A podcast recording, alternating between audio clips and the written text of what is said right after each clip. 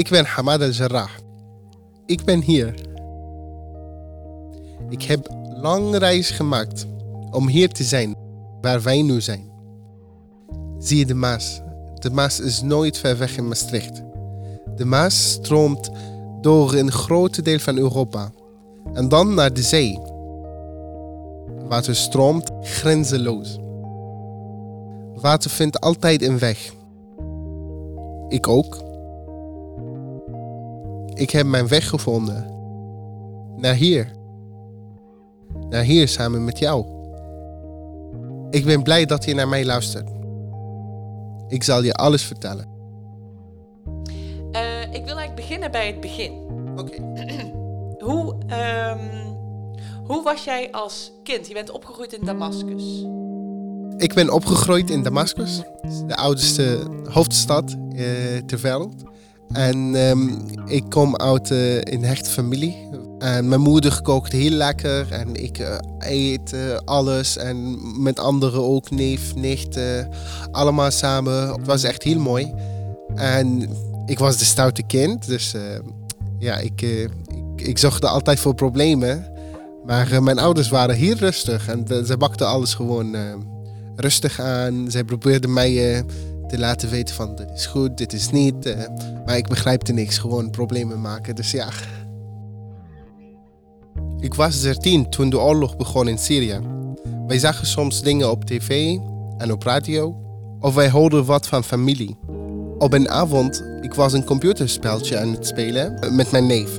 Ik had oordopjes, wij speelden Counter-Strike, dus met schieten en zo. En ineens voelde ik de grond bewegen. Dat is, dat is echt, eh, ik dacht dat het bij het speltje hoort. Maar ehm, dat was het niet zo. Ik werd heel bang en ik ging naar de kamer van mijn ouders. Ik, eh, ik heb hun wakker gemaakt. En, ehm, eh, maar zij wisten ook niet wat, wat het geluid was. Het werd steeds erger. Iedere dag erger. Vanaf dat moment hoorden wij iedere dag bommen. Ik kende alle namen van bommen en ik zocht heel veel op internet. Wat is dit voor bijvoorbeeld een vliegtuig? Wat, wat kan het kapot maken? Hoe erg is het als het op mijn huis valt? Je hebt Mach 16 of Mach 19 of een Apache helikopter. Ik wist hoe een raket in elkaar zit. Waarom weet een kind hoe een raket in elkaar zit?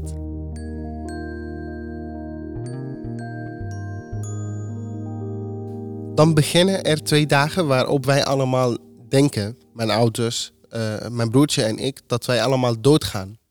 Assad vliegt boven ons met, eh, met de helikopters en hij, hij is, laat de, bommen vallen. En onder ons is de Free Army en die gaan eh, terugschieten aan de helikopters. En we waren zo bang, wij gingen snel naar de kelder. Ehm, wij hebben een beetje eten en drinken meegenomen. Ik zou nooit het gezicht van mijn ouders vergeten.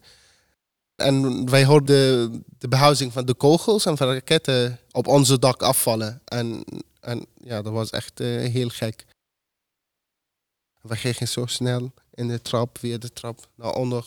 En dan je hoort alle, ja, alle behuizingen van de kogels, raketten. En, en na twee dagen zijn wij weer eh, uit de kelder. En ik was zo verbaasd dat nog ehm, eh, gebouwen overeind zijn. Ik dacht dat alles kapot zou zijn van de bommen.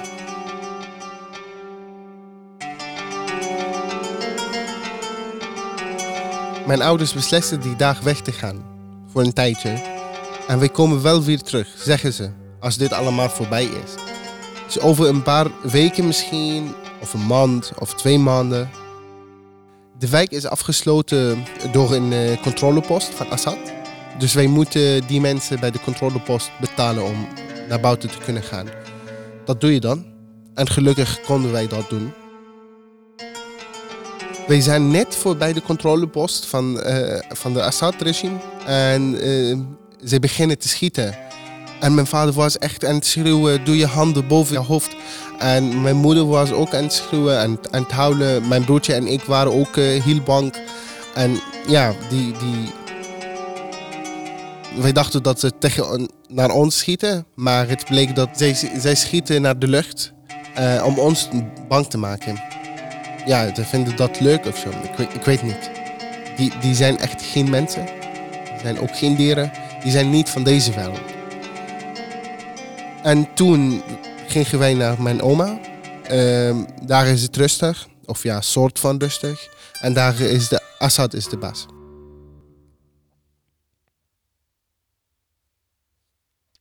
Hamada, sorry, ja, dit, ja, daar was je op het wachten, ja. Hamada, hoofdstuk 3, tweede deel, take 2. Ik ben nog twee keer terug geweest. Wij moeten weer betalen. En het was gevaarlijk om te doen.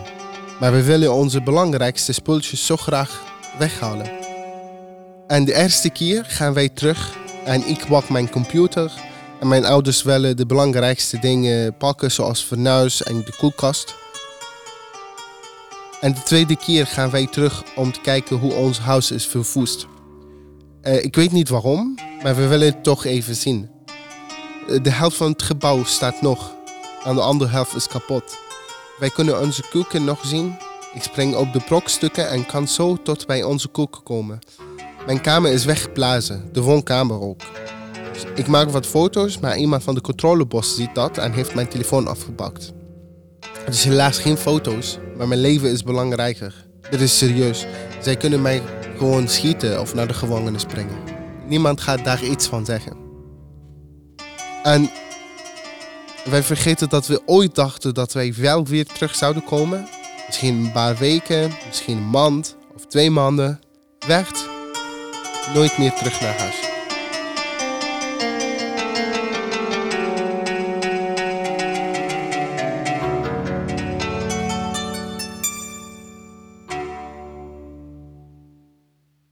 Ik ben 17 en ik werd bijna 18. En dat is echt een probleem. Mijn vader vraagt, wat ga je nu doen? En ja, ik, ik, ik zei, ik wil niet in het leger van Assad. Ik, dat wil ik zeker weten niet. Ik haat Assad, ik haat zijn leger. En, en ik heb alleen maar slechte dingen van hem gezien. Hij, hij, hij, heeft geen hij heeft geen onderscheid tussen oude mensen, kinderen of vrouwen. Het maakt hem niet uit. Hij gaat gewoon door met, met raketten laten vallen en, en mensen doden en vermoorden. En daarom, dat is, daarom haat ik Assad. Uh, er was ook een familie uh, in de straat van mijn, op de straat van mijn, uh, van mijn oma. Um, zij, zij zijn opgepakt omdat ze Al Jazeera kanaal hadden. Dat is, dat is een Arabische um, kanaal. En een, de, de vader en één zoon zijn teruggebracht, maar de andere twee zonen zijn gewoon weg. Ja, ik denk dat ze naar de gevangenis zijn. In het leger heb je twee opties. Of je gaat mensen vermoorden voor Assad, of je wordt vermoord. Of eigenlijk nog een optie. Je gaat andere mensen door, doodmaken totdat je dood bent. Ik wil het niet, ik wil het niet. Ik wil niet in het leger van Assad, dus ik besluit de weg te gaan. Het is super gevaarlijk en ik weet niet wat mij te wachten staat. Maar ik ga weg.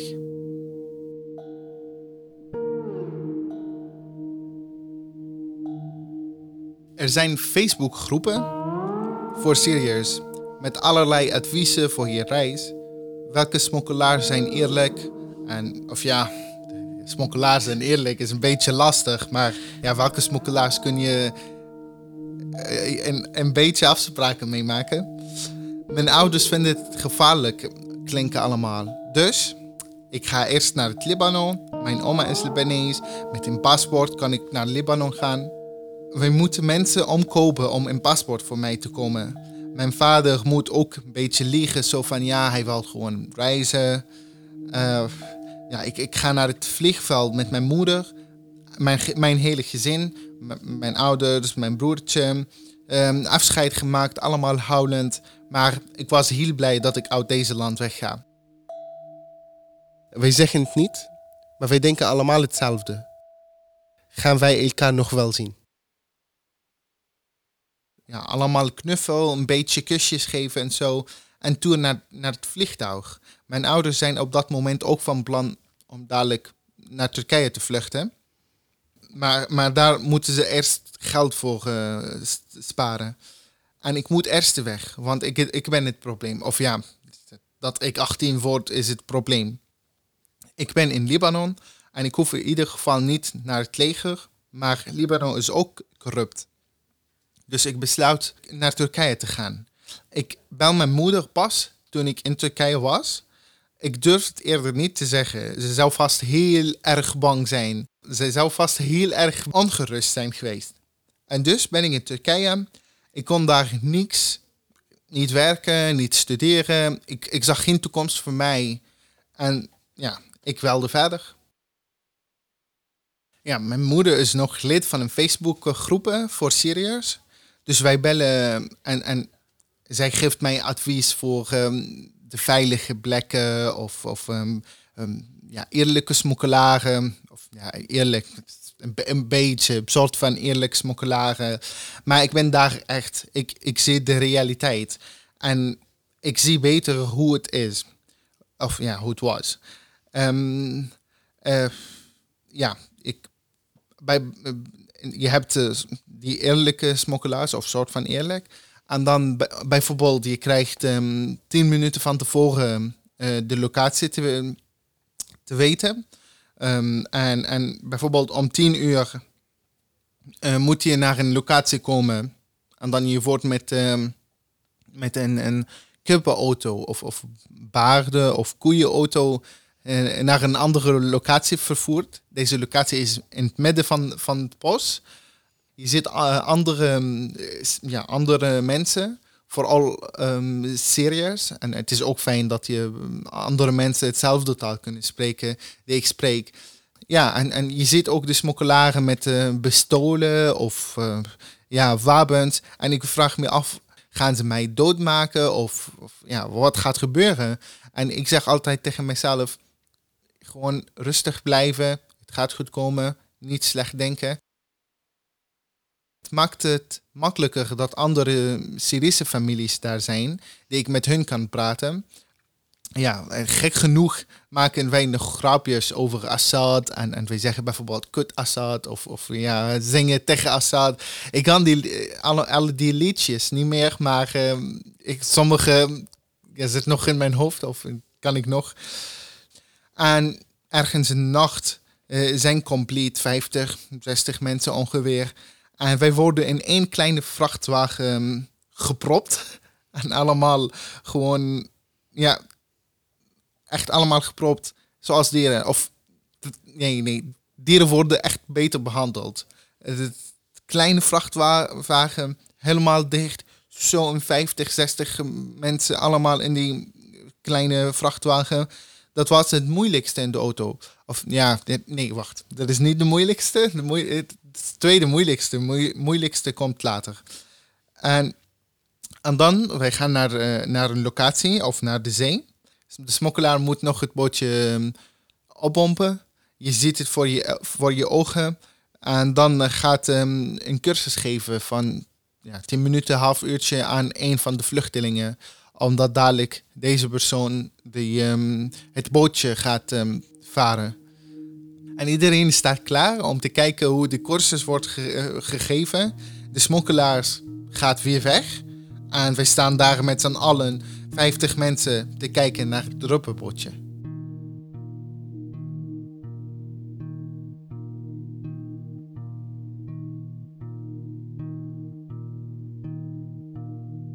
Wij moeten allemaal op dat bootje. Het is vier s'nachts. Na een uurtje, het bootje is kapot. Het is lek en de mannen moesten zwemmen. Vrouwen en kinderen blijven op het boot zitten. Wij liggen midden in zee. En ik zie alleen maar zee en zee en zee.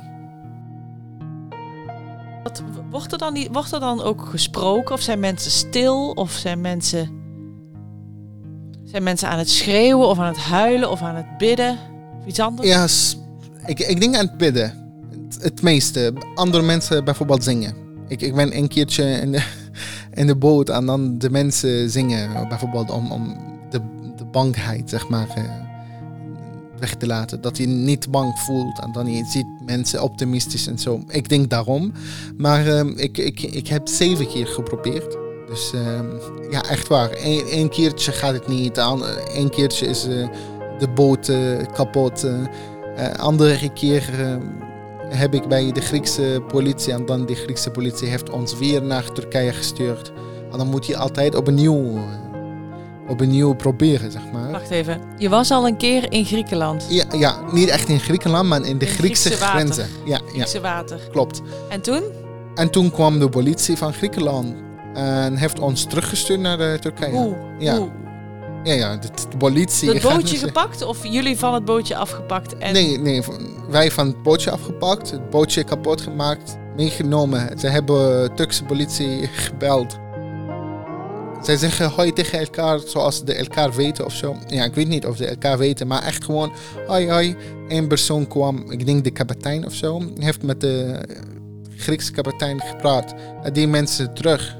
En iedereen, eh, en zij gingen ook met die, eh, met die eh, tutoren voor elkaar, met de boot en zo. Zo van hoi. Ja, ja, zo van. En, en Alsof het, je zegt, je vertelt het alsof het bijna... Het is heel weten. bizar, maar het is voor hen heel normaal geworden.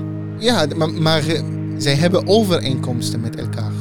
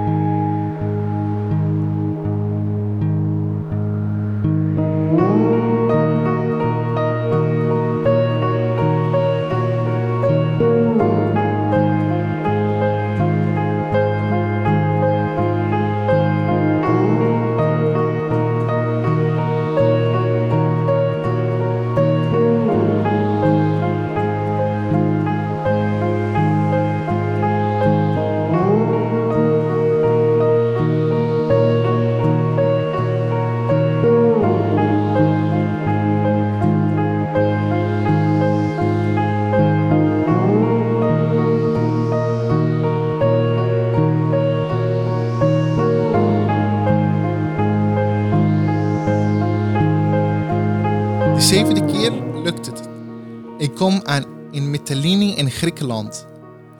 Ik lieg en ik zeg dat ik geen paspoort bij mij heb. Dan, zi- dan zien ze dat ik minderjarig ben. Zij brengen mij naar een kamp en dan krijg je een papier dat je het land uit moet. Maar ja, geen idee waar je heen moet. Maar in ieder geval uit ons land in drie dagen. Ik had een tas bij mij, heel veel medicijnen, zwachtelen, heel veel dadels. Ja, ik, ik kon niet zoveel eten meenemen. En dadels geeft je energie. Dus eh, ik heb zoveel dadels gegeten die maanden. En, en wij gaan lopen. Wij komen lopend naar Macedonië. Daar hebben wij op het eh, treinstation ehm, eh, geslapen. Ehm, daar kun je ook goed verstoppen. Wij liggen op een spoorrail ehm, die niet meer in gebruik was. Ik lig naast iemand met een heel donkere Hij was een aardige man. En op een gegeven moment zegt hij tegen mij: Hoi, hoe gaat het met jou? Ik kom uit Syrië. Hij spreekt heel slecht Arabisch en ik snap echt niet wat, eh, wat hij zegt. Ik kom uit Syrië, zegt hij. Ik snap het niet. Ik kom uit Syrië, zegt hij. En nog eens, hij doet zo met eh, een beetje naar links met zijn hoofd. En dan snapte ik het. Dat hij komt uit Syrië, omdat je als je in Syrië bent, grote kans hebt om het verblijfsvergunning. En ook al ziet er niet Syrisch uit en spreekt hij een be- beetje slechte Arabisch met een heel slechte accent. Hij, hij komt er vanaf dat moment uit Syrië. Dus ik weet niet zo goed of ik nou moet lachen of ja, want het lijkt echt op, op een goede grap. Hij vroeg, pro, ik wil naar Europa. Ehm, is mijn Arabisch goed? Ehm, bro, je hebt, je, hebt geluk, bro. En hij blijft dus zo eh, tegen mij en hij was zo tegen mij aan het praten. En, en ik moest snel denken aan mijn, aan mijn half kapotte huis. En aan mijn vriend die ik nooit meer zal zien. Ehm, Assad, legerdienst. En, en de MiG-16 vliegtuig. En hij bleef gewoon, je hebt geluk bro, tegen mij zeggen. Hoe, en hij vroeg, hoe is mijn Arabisch bro? Ik zeg hem dat hij nog goed moet oefenen. En ik wens hem te rusten. Ik loop met mijn groepje eh, verder naar Servië. En dan komt het ergste eh, van mijn reis. Dit is echt de ergste. Ehm, ik, ik ben drie, da- drie dagen bezig geweest om van Servië naar Hongarije te lopen.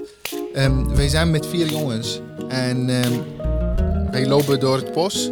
Eh, wij hadden geen GPS. En eh, wij, wisten niet waar wij zijn. Dus wij moesten naar een heuveltop ehm, lopen. Zodat wij gewoon weer GPS kunnen bereiken. En dan weer zien waar wij, waar wij zijn. Eh, wij moesten ook een, een, een eh, rivier overzwemmen. Ja, er zijn honden, je hoort vliegtuigen met grote licht die, eh, die aan het zoeken zijn voor mensen. Het was echt super ge- gevaarlijk. Het lopen deed pijn en mijn voeten gaan kapot, maar ik, lo- ik loop door.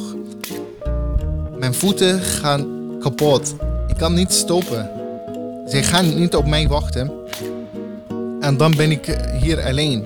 Mijn voeten gaan, zijn kapot en ik loop gewoon door. Wij, komen in Hongarije. Ehm, daar is heel veel politie. En dus wij hebben eh, gesplitst. Ik en andere jongen. En nog het, de andere twee alleen. Dus die zijn eh, opgepakt door politie in Hongarije. Wij niet. Dus wij, ehm, wij, wij kunnen door. Wij lopen door naar een kennis van kennis. En ik krijg daar te eten. Ik kan douchen. Ik smeer mijn voeten in een crème. En ehm, ik doe een verband om. En ik kruip naar bed. Ik kruip in, in bed en val in heel diepe slaap. Wij vinden een smokkelaar volgende dag. Wij vinden een smokkelaar die ons naar Duitsland brengt. In Duitsland koop ik een kaartje naar Brussel. Ik wil naar Brussel. Ik heb daar een vriend, eh, maar ik sta op het verkeerde perron en stap in de verkeerde trein. En zo kom ik niet in Brussel aan, maar in Amsterdam. Dus mijn geld was op. Ik, ik ben moe, ik kan niet meer lopen.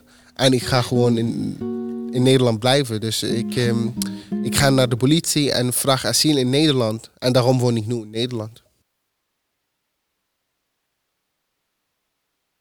Hamada hoofdstuk 10. Ik dacht, ik ga gewoon Nederlanders zien. Maar ik heb allerlei mensen gezien. Van verschillende culturen, verschillende continenten.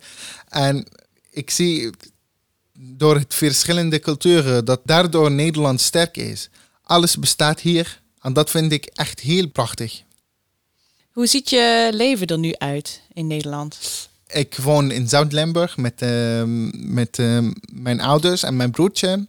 Ehm, ik krijg ehm, gewoon altijd eh, lekker eten gekookt door mijn moeder. en ehm, ja, ik ben eh, nu mijn studie aan het doen. Eh, en ja, ik, ik werk wanneer ik vrije tijd heb. Wat studeer je? Ik doe psychologie in Eindhoven. En ik denk dat ik volgende jaar naar Maastricht ga. Of ja, dan ga ik mijn tweede jaar in Maastricht doen. En waar werk je? Ik werk bij Zouderland.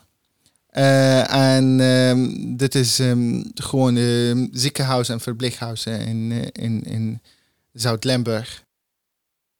Hele belangrijke vraag. Ja? Wat eh, is jouw lievelingsgerecht klaargemaakt door jouw moeder? Poh, dat is echt moeilijk. Ehm, ja, Als je moet kiezen. als ik, als, ik, als ik moet kiezen, dan zou ik... ehm ehm, ja, Lugia kiezen. Dat is gewoon... ehm, het lijkt op spinazie, maar... eh, ja, het uiterlijk is een beetje als spinazie, maar het, het smaakt heel anders. En het is heel lekker. Je eet, het- daarnaast kan je gewoon bijvoorbeeld rijst eh, eten. En ja, dat is echt super eh, lekker. Vooral als het mijn moeder kookt, dan, oh mijn god, dat is gewoon eh, Goed, is Ja, goed. het Het is, eh, goed. De ultieme uh, plezier. ja. Hoe ziet je leven er over tien jaar uit? Ja, dat is echt moeilijk om, om voor te stellen. Maar ik denk dat het. Ja, ik hoop dat ik gewoon mijn diploma mm, heb. En ik, eh, ik ben aan het werken. Misschien mijn eigen kliniek openen. En dit, dat is eigenlijk het plan. Maar ehm, is het het of de plan? Het plan. Ja, dat is eigenlijk het plan. En ik, ik zie mezelf aan het werken. En, en ja, in mijn eigen kliniek. Je hebt nog, ik ben heel benieuwd, woon jij over tien jaar nog in Nederland of ben je dan terug in Syrië? Nee, ja, nou, dat is echt zo'n moeilijk vraag. Maar ik denk dat als de situatie daar ooit ehm, eh, veilig is, of in het algemeen het re- eh, regime weg is, dan, dan zou ik zeker terug eh, willen. Dat, Ja. dat wel. Maar ja, het hangt af van hoe blijft, ehm, ja, hoe lang blijft het regime en ehm, gaat die ehm, snel weg of, of Mm. Snap je? Dus dat zijn eigenlijk eh, omstandigheden. Die, ja, zolang dat eh, regime daar is, kan ik niet makkelijk daar naartoe. Omdat eh, het is niet veilig voor mij. En dan, Nee. eh, ja, daar, daarom. Maar ik hoop dat hij snel eh, weg is. En dan kan ik ook eh, snel naar mijn land, naar mijn Ja. familie. En de mensen die hetzelfde taal als mij spreken, dan hoef ik ook niet heel veel te zeggen. Ik krijg er dorst van. dus ja, ja. Wat, ehm, wat was er met jou gebeurd als je in Syrië was gebleven? Wat had je vandaag gedaan als jij nu nog in Syrië had gewoond? Ja, ik denk dat twee opties. Of ik dat ik eh, verplicht in het leger ben. Eh, dat ik verplicht in het leger ben. Of dat ik bijvoorbeeld in eh, rebellengebieden zijn. In Idlib. Of ja, ja. Ik zou echt niet kunnen blijven bijvoorbeeld in Damascus of zo. Daar is het ehm, ja, geen elektriciteit. Heel slecht. Altijd ehm, ehm, onveilig. Er zijn niet zoveel bijvoorbeeld eh, raketten of oorlog, maar er zijn ontvoeringen en, eh, en het is nog steeds onveilig. Het is geen oorlog, maar het is nog steeds onveilig. En ja, voor, het, het- voor mij, het werkt niet. Ik, Nee. ik, ik, zal, ik wil niet vernederd eh, gaan worden, leven. Zeg Ja. maar. Ja. Ja.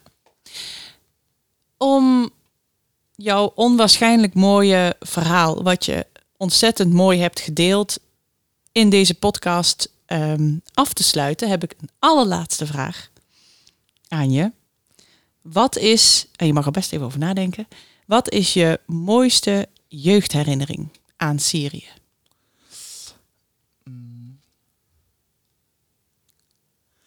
Ja, dat is toen ik met ehm, mijn familie. ehm, wij hadden een, ehm, een soort van villa eh, met een zwembad. En eh, wij gingen met mijn familie en mijn oomfamilie, een andere oom. Dus we waren echt met zoveel mensen.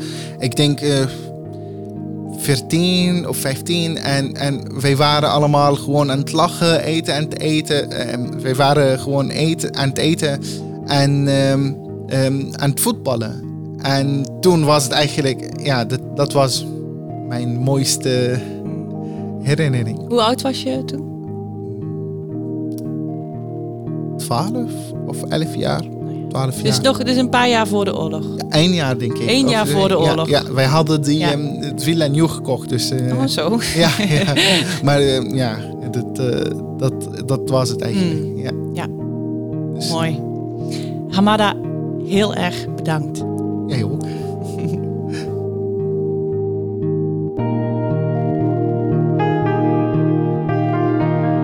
Je luisterde naar het verhaal van Hamada Al-Jarrah. Dit is de podcast Ik ben hier, een productie van Hertog Zout in samenwerking met toneelgroep Maastricht. Mijn naam is Letizia Rompelberg en deze podcast heb ik gemaakt samen met audiokunstenaar Bram Schouw.